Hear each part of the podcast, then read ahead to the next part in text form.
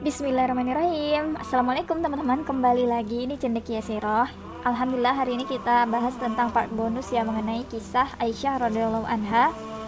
Uh, Setelah kita udah kemarin bahas dari part 1 sampai part 4 Banyak ya. Nah sekarang kita masuk ke part bonus Di mana kita akan bahas tentang Aisyah Aktivitas Aisyah radhiyallahu anha Sebagai pemimpin umat Islam Dan bagaimana nanti awal cerita bisa ada Syiah dan Sunni. Oke teman-teman Bismillah. Cekidot Rasulullah SAW wafat pada tahun ke-11 Hijriah.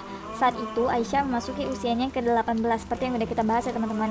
Aisyah hidup bersama Rasulullah dalam jangka waktu lebih kurang selama 10 10 tahun karena Aisyah mulai tinggal sama Rasulullah itu kan usia 9 tahun ya teman-teman ya. Kemudian ketika Rasulullah wafat itu Aisyah usianya sekitar 18 tahun teman-teman. Selama masa yang relatif pendek ini, Aisyah dengan kecerdasan intelektualnya mampu menyerap berbagai ilmu yang diajarkan oleh Rasulullah SAW. Ya, Aisyah memang benar-benar uh, seorang uh, gadis yang cerdas ya teman-teman ya. Sehingga meski usianya tergolong masih cukup muda, namun ia telah menguasai hampir di seluruh bidang keilmuan, baik Al-Quran, hadis, fikih, qiyas, tauhid, akidah, kedokteran, dan sebagainya. Masya Allah. Setelah Rasulullah SAW wafat, itulah posisi Aisyah layaknya sebagai pengganti beliau sebagai pembimbing umat. Abu Musa al-Ash'ari kata, Ketika kami para sahabat menghadapi kesulitan dalam memahami sebuah hadis, kami sering bertanya kepada Aisyah. Ia pun selalu mampu menjawabnya. Imam Syihab Az-Zuhri yang, te yang telah sekian lama dididik oleh beberapa sahabat senior juga mengakui kecemerlangan otak Aisyah. Ia berkata, Aisyah adalah orang yang luas pengetahuannya. Para sahabat senior sering bertanya dan berkonsultasi kepadanya. Az-Zahabi berkomentar dalam kitab As-Sa'id jilid 2 halaman 240, saya tidak pernah melihat pada umat Muhammad SAW bahkan wanita secara keseluruhan ada seseorang wanita yang lebih alim dari Aisyah. Dia adalah istri Nabi Muhammad SAW di dunia dan akhirat. Apakah itu bukan suatu hal yang membanggakan? Jadi banyak sahabat-sahabat Rasulullah itu yang mengakui kecerdasan kecerdasan Aisyah teman-teman.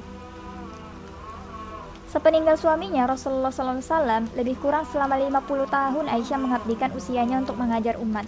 Ia memberikan pemahaman kepada para perawi hadis, memberikan fatwa hukum atas persoalan yang membingungkan, dan menasihati umat sesuai tuntunan Al-Quran dan Sunnah Nabi SAW. Dalam bidang Al-Quran, Aisyah memiliki kemampuan yang baik dalam menarik kesimpulan dari ayat-ayat Al-Quran yang diturunkan. Ini dikarenakan Aisyah kerap kali menjadi saksi mata atas sejumlah wahyu yang turun teman-teman. Oleh karena itu, Aisyah mempunyai gambaran yang jelas tentang keadaan di mana ayat itu turun. Hal ini membantunya untuk menafsirkan ayat-ayat Allah Subhanahu wa taala. Salah satu kejadian yang membuktikan keluasan pemahaman Aisyah dalam menafsirkan Al-Quran yaitu mengenai sa'i di antara bukit Safa dan Marwah. Allah Subhanahu wa taala berfirman yang artinya sesungguhnya Safa dan Marwah adalah sebahagian dari syiar, Allah. Maka barang siapa yang beribadah haji ke Baitullah atau berumrah, maka tidak ada dosa baginya mengerjakan sa'i di antara keduanya. Dan barang siapa yang mengerjakan suatu kebajikan dengan kerelaan hati, maka sesungguhnya Allah Maha mensyukuri kebaikan lagi Maha mengetahui. Quran surah Al-Baqarah ayat 158. Urwah pernah bertanya kepada Aisyah, apakah engkau memperhatikan ayat itu? Bukankah ditegaskan di dalamnya bahwa seseorang diperbolehkan untuk tidak melakukan sa'i di antara bukit Sofa dan Marwah? Kemudian Aisyah menjawab ya teman-teman, tidak. Jika ayat itu mengandung pengertian seperti yang kau katakan, maka seharusnya ayat itu berbunyi, tidak ada dosa baginya untuk tidak melaksanakan sa'i antara keduanya. Ayat itu berbicara mengenai sekelompok orang-orang Ansor yang sebelum memeluk Islam mereka biasa melaksanakan haji untuk menyembah berhala, manat di sebuah tempat bersama musyallal. Ketika itu, sa'i di antara bukit Safa dan Marwah merupakan perbuatan terlarang. Setelah masuk Islam, mereka bertanya kepada Rasulullah SAW tentang sa'i di antara kedua bukit itu. Lalu turunlah ayat di atas. Jadi inilah penjelasan Aisyah ya teman-teman. Atas Quran surah Al-Baqarah tadi, tadi yang udah kita bacakan ya. Aisyah melanjutkan, Rasulullah SAW telah menegaskan bahwa sa'i di antara bukit Safa dan Marwah merupakan sebuah kewajiban yang tidak boleh ditinggalkan oleh muslim mana pun. Jadi jelas ya teman-teman. Urwah kemudian menyampaikan pernyataan Aisyah itu kepada Abu Bakar bin Abdurrahman. Lalu Abu Bakar berkata, "Sungguh ini merupakan sebuah ilmu." Hadis riwayat Bukhari, Muslim, Tirmizi, dan Nasa'i. Selanjutnya di bidang hadis, Aisyah termasuk dalam daftar nama-nama para sahabat yang mampu meriwayatkan hadis hingga mencapai angka ribuan. dan bahkan satu-satunya dari kalangan wanita, teman-teman. Ada tujuh, ada tujuh orang sahabat yang menjadi periwayat hadis terbanyak. Mereka adalah seluruh sahabat yang meriwayatkan hadis dan hadisnya termuat dalam Al-Kutub Al-Tis'ah. Semuanya berjumlah 1046 orang. Jika dari kalangan sahabat wanita saja, semuanya itu berjumlah 132 orang. Jumlah ini sama dengan 12,6% dari seluruh periwayat hadis pada masa sahabat. Dan di puncak deretan periwayat hadis wanita adalah Aisyah radhiyallahu anha. Dalam Al-Kutub Al-Tis'ah, hampir pada semua bab terdapat hadis yang diriwayatkan oleh Aisyah radhiyallahu anha, teman-teman luar biasanya Aisyah. Dari 2210 hadis yang diriwayatkan oleh Aisyah, ada 286 hadis yang tercantum dalam Sahih Bukhari dan Sahih Muslim. 174 hadis tercantum di keduanya. 54 hadis hanya tercantum dalam Sahih Bukhari dan 58 hadis hanya tercantum dalam Sahih Muslim. Dengan demikian, seluruh hadis Aisyah yang tercantum dalam Sahih Bukhari berjumlah 228 hadis, sementara dalam Sahih Muslim berjumlah 232 hadis. Adapun riwayat-riwayat Aisyah yang lainnya maka tersebar di kitab-kitab hadis lainnya, teman-teman. Pada jilid ke-6 Musnad Ahmad bin Hanbal terdapat 253 halaman dalam cetakan Mesir. Jika seandainya halaman-halaman itu dikumpulkan dalam kitab sendiri, maka akan menghasilkan sebuah kitab yang tebal.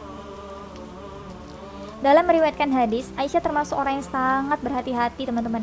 Jika Aisyah mendengar sebuah hadis dari orang lain dan bukan dari lisan Rasulullah SAW secara langsung, maka pasti Aisyah berusaha untuk melacak sumbernya dan tidak tergesa-gesa meriwayatkannya. Jadi benar-benar detail banget gitu ya.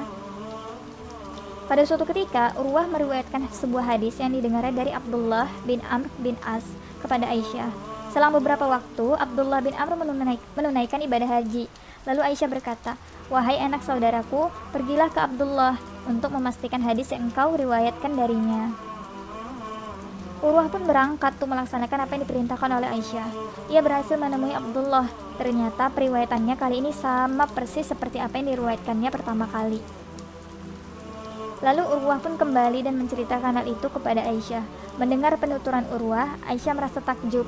Kemudian Aisyah berkata, demi Allah Abdullah bin Amr benar-benar hafal jadi benar-benar sama persis gitu ya dengan uh, yang pertama kali gitu Peran aktif Aisyah radhiyallahu anha dalam menyebarkan dan mengkoreksi praktek keagamaan dan hukum Islam juga sangat luar biasa, teman-teman. Setiap kali ada hal yang dalam pandangan beliau salah, maka seketika itu juga ia langsung akan mengkoreksinya. Sebagaimana kejadian berikut. Pada suatu hari, Ibnu Abbas meriwayatkan hadis berikut ini.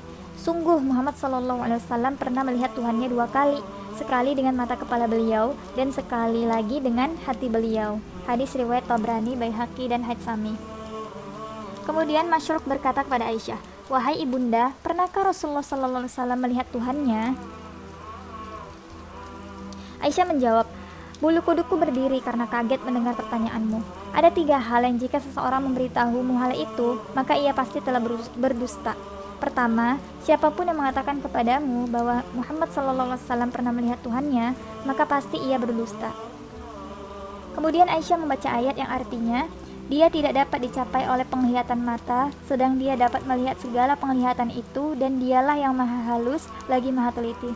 Quran Surah Al-An'am ayat 103 Begitu pula ayat yang artinya, dan tidaklah patut bagi seorang manusia bahwa Allah akan berbicara kepadanya kecuali dengan perantaraan wahyu atau dari belakang tabir atau dengan mengutus utusan atau malaikat lalu diwahyukan kepadanya dengan seizinnya apa yang dia kehendaki sesungguhnya dia maha tinggi lagi maha bijaksana Quran Surah Ash-Shura ayat 51 ada hadis lain yang menguatkan pendapat Aisyah. Salah satunya adalah sabda Rasulullah Sallallahu Alaihi Wasallam berikut ini. Allah Subhanahu wa taala adalah cahaya. Bagaimana mungkin aku bisa melihatnya? Hadis riwayat Muslim dan Tirmizi. Kejadian yang lain yaitu Abu Hurairah pernah meriwayatkan bahwa Rasulullah Sallallahu Alaihi Wasallam bersabda, barang siapa yang tidak melaksanakan sholat witir, maka sama sekali tidak ada sholat baginya. Ketika Aisyah mendengar hadis itu, ia berkata, Siapakah yang pernah mendengar hadis itu dari Rasulullah? Demi Allah, belum lama beliau meninggal dan ku ingat bahwa beliau pernah bersabda, Barang siapa yang datang pada hari kiamat nanti dengan membawa amal sholat lima waktu, ia selalu memelihara wudhunya, melaksanakan sholat tepat waktu, serta melakukan ruku dan sujud sebaik-baiknya tanpa mengurangi sedikit pun dari semua itu, maka tidak ada lagi kewajiban baginya di sisi Allah. Dan Allah memiliki kebebasan untuk memberinya rahmat atau azab sesuai dengan kehendaknya. Hadis riwayat Tabrani. Aisyah hendak menyatakan bahwa sholat witir adalah sholat sunnah. Jika orang yang meninggalkannya dihukum, yaitu dengan tidak diterima seluruh amal sholatnya, maka itu berarti bahwa orang itu tidak akan mendapat ampunan dari Allah Subhanahu wa Ta'ala. Padahal hanya orang-orang yang meninggalkan sholat-sholat fardu saja yang layak untuk tidak diampuni, bukan orang sekedar yang tidak melakukan sholat sunnah.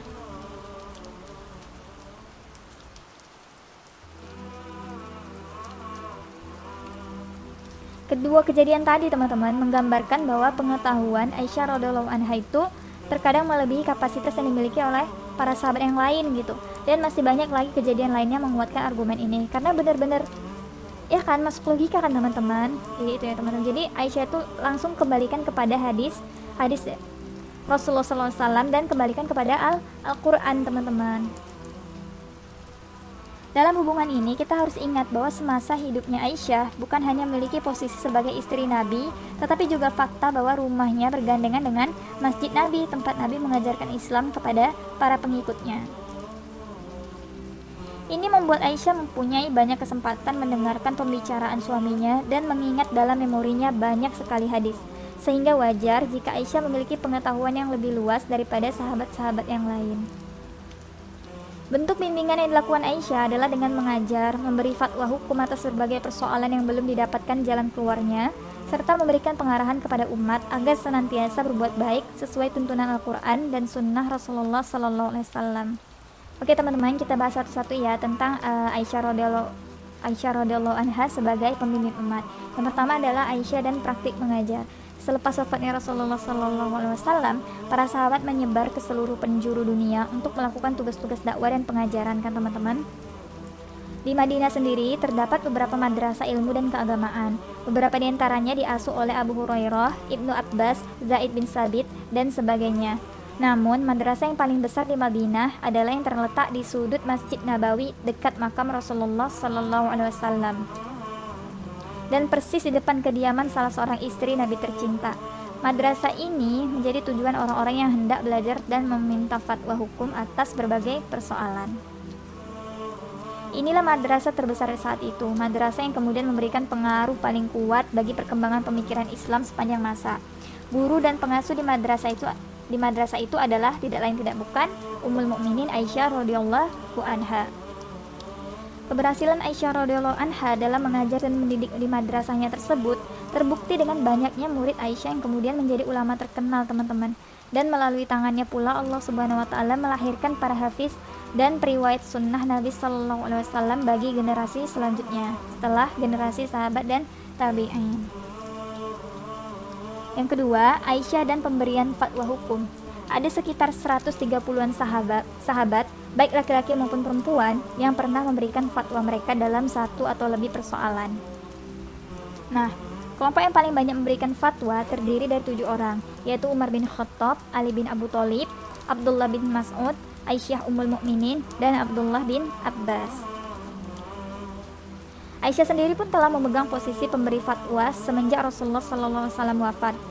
Ia menjalani sisa usianya sebagai sumber rujukan utama bagi orang-orang yang membutuhkan jawaban dan fatwa serta tujuan paling penting bagi setiap peziarah dan penuntut penuntut ilmu. Qasim, salah seorang dari tujuh ahli fikih terkemuka di Madinah berkata, Aisyah memberikan fatwa secara independen pada masa kekhalifahan Abu Bakar, Umar, Utsman, dan seterusnya hingga akhir hayatnya. Ibnu Hazm dan Ibnu Qayyim menjelaskan bahwa jika fatwa-fatwa Aisyah itu dikumpulkan, maka akan menjadi sebuah buku yang sangat tebal. Hal itu tidak mengherankan pastinya ya. Bagaimana enggak? Aisyah didatangi oleh ribuan orang dari segala penjuru, teman-teman. Ribuan orang dari segala penjuru seperti Irak, Syam, dan Mesir untuk dimintai fatwanya tentang beraneka ragam persoalan agama. Begitulah kehidupan Aisyah, Ummul Mukminin yang agung, lagi penuh manfaat. Posisi sebagai pemberi fatwa telah diperankannya semenjak ia masih muda, pada masa ketika para sahabat senior masih hidup. Dan ketika itu pula semua sahabat menghormati dan mengakui reputasi keilmuan Aisyah radhiyallahu anha. Yang ketiga, Aisyah radhiyallahu anha membimbing dan mengarahkan umat Islam.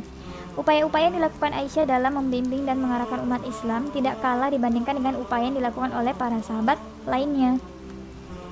Aisyah sama sekali tidak meninggalkan tugas ini kapan pun dan di mana pun ia berada, di kediamannya, di tengah-tengah halayak, maupun ketika melaksanakan ibadah haji. Setiap tahun, Aisyah selalu melaksanakan ibadah haji, teman-teman. Dalam pelaksanaan ibadah haji, kita tahu umat Islam dalam jumlah yang besar berkumpul di sebuah tempat pada hari yang sama. Aisyah mendirikan kemahnya di antara Bukit Hiro dan Sabir. Ketika itu, para penuntut ilmu yang belas berasal dari seluruh penjuru dunia mendatanginya untuk mempelajari sunnah Rasulullah Sallallahu Alaihi Wasallam. Aisyah tidak pernah bosan untuk menjawab semua pertanyaan yang diajukan kepadanya tentang persoalan apa pun yang menyangkut ajaran-ajaran agama Islam, termasuk tentang persoalan-persoalan yang bersifat pribadi. Bahkan, Aisyah mendorong dan menyemangati orang-orang yang merasa malu untuk menanyakan hal itu. Abu Musa al-Ash'ari, salah seorang sahabat terkemuka, pernah berkata kepada Aisyah, Aku sungguh ingin bertanya kepadamu tentang sebuah persoalan, tetapi aku malu untuk menanyakannya. Kemudian Aisyah menjawab, tanyakanlah dan jangan malu, aku ini ibumu. Hadis riwayat Ahmad. Dalam redaksi yang berbeda, Aisyah menjawab, Engkau tidak perlu malu untuk bertanya kepadaku tentang suatu persoalan yang engkau tidak malu untuk menanyakannya kepada ibu kandungmu. Aku juga ibumu. Hadis riwayat Muslim. Dan dalam menjawab persoalan-persoalan yang ditujukan kepadanya, Aisyah selalu memberi jawaban yang memuaskan, sesuai petunjuk Al-Quran dan hadis Rasulullah SAW. Inilah yang membuat para sahabat senang bertanya dan berkonsultasi dengan Aisyah radhiyallahu anha. Yang keempat ya teman-teman tentang murid-muridnya Aisyah radhiyallahu anha. Dalam buku terjemah kitab Sirah As-Sayyidah Aisyah Ummul Mukminin radhiyallahu anha karya As-Sayyid As As-Sayyid Sulaiman An-Nadawi disebutkan bahwa ada ratusan murid Aisyah yang mereka itu diasuh dan dididik Aisyah hingga akhirnya berhasil menjadi pembela-pembela Islam dan pengemban risalah sunnah Rasulullah Sallallahu Alaihi Wasallam kepada generasi setelah mereka. Aduh, masya Allah, keren banget. Namun di antara sekian banyak murid Aisyah tersebut, teman-teman, hanya beberapa nama yang disebutkan sebagai murid terdekatnya Aisyah. Di antaranya adalah yang pertama itu Urwah bin Zubair. Nama lengkapnya adalah Abu Abdullah Urwah bin Zubair Al-Qurashi. Ibunya adalah Asma binti Abu Bakar As-Siddiq, saudari kandung Aisyah ya. Dengan begitu Urwah adalah keponakan keponakan Aisyah. Aisyah mendidiknya hingga menjadi seorang ulama terkemuka di di Madinah, teman-teman. Nah, kemudian yang kedua adalah Qasim bin Muhammad bin Abu Bakar. Qasim juga merupakan keponakannya Aisyah. Ayahnya Muhammad bin Abu Bakar adalah saudara kandungnya Aisyah. Ia dibawa asuhan bibinya itu hingga berhasil menjadi seorang ulama terkemuka di Madinah. Qasim adalah salah seorang dari tujuh orang ahli fikih yang terkenal. Salah satu keistimewaan yang ia pelajari dari Aisyah adalah hasratnya yang kuat untuk meriwayatkan hadis huruf demi huruf tanpa mengubah lafalnya sedikit pun. Masya Allah. Oke, yang ketiga, Abu Salamah bin Abdurrahman bin Auf. Abu Salamah telah ditinggal wafat ayahnya ketika ia masih berusia belia. Ia merupakan teman sebaya Urwah bin Zubair. Pengetahuannya tentang fikih dan sunnah sama-sama mendalam. Abu Salamah terkenal sebagai salah seorang ahli hadis terkemuka di Madinah. Nah, kemudian yang keempat, Mashruk bin Ajda bin Malik Al-Kufi. Mashruk terkenal dengan julukan Al-Abid atau orang yang tekun beribadah. Dahabi menuturkan bahwa Aisyah telah mengangkat Mashruk sebagai anak. Mashruk dikenal sebagai seorang ahli fikih di Irak. Ia memiliki sifat zuhud. Dikisahkan bahwa Masyruk sering melaksanakan sholat hingga kedua kakinya bengkak, teman-teman. Meskipun menjabat sebagai hakim di Kufah, ia tidak pernah mau menerima gaji dari jabatannya itu. Masya Allah, mungkin nanti kita akan bahas tentang Masyruk ya teman-teman ke depannya. Keren banget. Oke, yang kelima ya teman-teman. Amrah binti Abdurrahman bin As'ad bin Zurarah al-Ansoriyah al-Madaniyah Amro adalah contoh terbaik dari produk pendidikan dan pengajaran yang dilakukan oleh Aisyah radhiyallahu anha. Ia besar dan menjadi dewasa di bawah di bawah asuhan Aisyah. Ibnul Madini berkomentar, Amro adalah salah seorang periwayat hadis yang terpercaya, terpercaya atau sirkah. Periwayatannya dari Aisyah bisa dijadikan pegangan. Ibnu Hibban berkata, Amroh adalah orang yang memiliki pengetahuan yang luas tentang hadis-hadis yang diriwayatkan oleh Aisyah. Sementara Sufyan berkomentar, para periwayat hadis Aisyah yang paling bisa dijadikan pegangan adalah Amroh, Qasim, dan Urwah. Yang ke berapa nih? Yang keenam ya, Sofiyah binti Syaibah. Nah, Sofia adalah seorang pemuka kelompok perempuan dari kalangan tabi'in. Ayahnya adalah pemegang kunci Ka'bah. Banyak ahli hadis yang meriwayatkan darinya sedangkan periwayatannya termaktub dalam seluruh literatur-literatur hadis. Di dalam literatur-literatur hadis, ia sering disebut dengan Sofiyah binti Syaibah, sahabat Aisyah.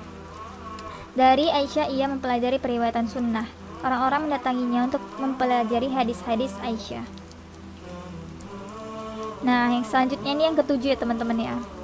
Aisyah binti Tolha. Nama lengkapnya adalah Ummu Imran Aisyah binti Tolha At-Taimiyah Al-Madaniyah. Ibunya adalah Ummu Kulsum binti Abu Bakar, saudari kandung Aisyah radhiyallahu anha. Ia diasuh oleh Aisyah bibinya sendiri sejak ia kecil. Tentang Aisyah binti Tolha, Ibnu Ma'in berkomentar, ia adalah seorang perempuan yang terpercaya atau sikoh dan bisa dijadikan sandaran. Abu Zur'ah Ad-Dimashqi berkata, orang-orang membicarakannya karena keistimewaan dan keluhuran budi pekertinya. Hal ini dikutip dari Tazibut Tazhib karya Ibnu Hajar As Al-Asqalani. Oke teman-teman, yang kedelapan, Mu'adzah binti Abdullah Al-Adawiyah. Ia memiliki julukan Ummu Sahbah Al-Bashriyah. Ia merupakan salah seorang murid Aisyah yang paling terkemuka. Sebagian besar hadis Aisyah radhiyallahu anha diriwayatkan melaluinya. Jadi kita udah bahas ada delapan tadi ya teman-teman murid-murid Aisyah yang yang luar biasa teman-teman yang luar biasa. Masya Allah Oke kita akan bahas ke ini ya teman-teman pembahasan berikutnya yaitu tentang awal Syiah dan Sunni. Nah, dia, ini diambil dari skripsi biografi Aisyah ya teman-teman. Dari salah seorang uh, al-akhlah gitu ya. Nah, saya nggak nggak nggak belum dapat namanya siapa yang membuat skripsi ini, tapi insya Allah ini skripsinya bagus banget teman-teman. Nah, perjalanan hidup Aisyah radhiyallahu anha dari masa ke masa memang cukup bervariasi. Setelah Rasulullah SAW meninggal dunia dan kaum muslimin dipimpin oleh Abu Bakar, ayah kandungnya sendiri sebagai khalifah, ia juga memiliki banyak kontribusi dalam menenangkan keadaan umat muslimin pada saat itu. Pada masa kepemimpinan Abu Bakar, banyak kaum muslim yang kembali membangkang untuk membayar zakat dan banyak mengaku sebagai nabi atau nabi palsu. Jadi ada kayak muncul-muncul nabi-nabi palsu gitu loh teman-teman. Nah Aisyah sebagai istri Rasulullah turut menjadi sumber yang cukup valid dalam menenangkan setiap permasalahan. Jadi sepeninggal Rasulullah ketika masa pemerintahan ayahnya Aisyah Abu Bakar itu banyak uh, kaum muslim yang membangkang gitu teman-teman. Ada yang uh, uh, nggak mau bayar zakat, kemudian ada muncul nabi-nabi palsu gitulah ya teman-teman. Nah, kemudian teman-teman ketika Islam di bawah tangan Khalifah Umar bin Khattab setelah meninggalnya Abu Bakar radhiyallahu anhu, Nah, Aisyah radhiyallahu anha masih tetap menjadi sosok yang diistimewakan. Selanjutnya, kepemimpinan umat muslim dipegang oleh Khalifah Utsman bin Affan. Nah, pada masa kali Khalifah Utsman ini, pada awalnya pemerintahannya sampai sampai 6 tahun itu kondisinya aman ya. Akan tetapi, 6 tahun berikutnya, politik umat muslim cukup memanas. Nah, banyak sekali kekacauan dan muncul orang-orang yang merasa kekuasaan itu berada di tangannya gitu. Di tengah kericuan tersebut, Aisyah memiliki peranan untuk menenangkannya. Pasca pemerintahan Utsman bin Affan, itu digantikan oleh Ali bin Abu Thalib. Nah, pada awal pemerintahan Ali bin Abi Thalib, sedang terjadi kekacauan di mana-mana teman-teman. Nah, pada masa itu Aisyah pun menjadi uh, memiliki peranan yang sangat besar gitu dalam menenangkan politik umat Islam. Ia benar-benar terjun dalam dalam politik. Nah, Peran yang besar ketika itu terlihat saat terjadinya Perang Jamal teman-teman yang melibatkan Aisyah sebagai tokoh utama dan pada pihak lain diisi oleh Ali bin Abi Thalib yang ketika itu sudah menjadi khalifah. Nah, berbagai huru hara terjadi berawal dari kematian Khalifah Utsman bin Affan sehingga pemerintahan berpindah ke tangan Ali bin Abi Thalib. Jadi ricuh lah gitu ya teman-teman. Nah, Perang Jamal merupakan salah satu bentuk politik nyata di mana ia menjadi pemimpin dalam salah satu kubu yang memiliki tujuan yang sama, yaitu meraih untuk perdamaian umat dan dampak dari peperangan tersebut melahirkan beberapa kontroversi dalam periwayatan kisahnya, teman-teman. ini ya ini karena ada kontroversi inilah teman-teman ya yang jadi permasalahan gitu jadi perdebatan di antaranya adalah Syiah dan Sunni teman-teman yang meletakkan peran berbeda-beda pada Sayyidatina Aisyah radhiyallahu anha. Salah satunya kelompok Sunni yang memberikan peran yang baik bahkan terhormat. Namun pada sisi kelompok Syiah justru tuh sebaliknya teman-teman. Hanya peran-peran buruk yang tergambar pada ummul mukminin kita ini gitu. Syiah. Nah, Syiah ini e, merupakan sebuah aliran yang meyakini bahwa Ali bin Abi Thalib itu merupakan utusan setelah Rasulullah Sallallahu Alaihi Wasallam dan terdapat 12 nabi lainnya yang merupakan nasab dari Ahlul Bayit. Nah ini diambil dari buku ini ya teman-teman Ahlus Sunnah wal Jamaah dan Dilema Syiah di Indonesia karya Farid Farid Ahmad. Nah kalau Sunni itu merupakan aliran yang diikuti oleh kurang lebih 80% umat muslim dunia di mana seluruh ajarannya berlandaskan Al-Quran dan As-Sunnah. Biasa juga disebut ahlu ahlus sunnah wal wal jamaah.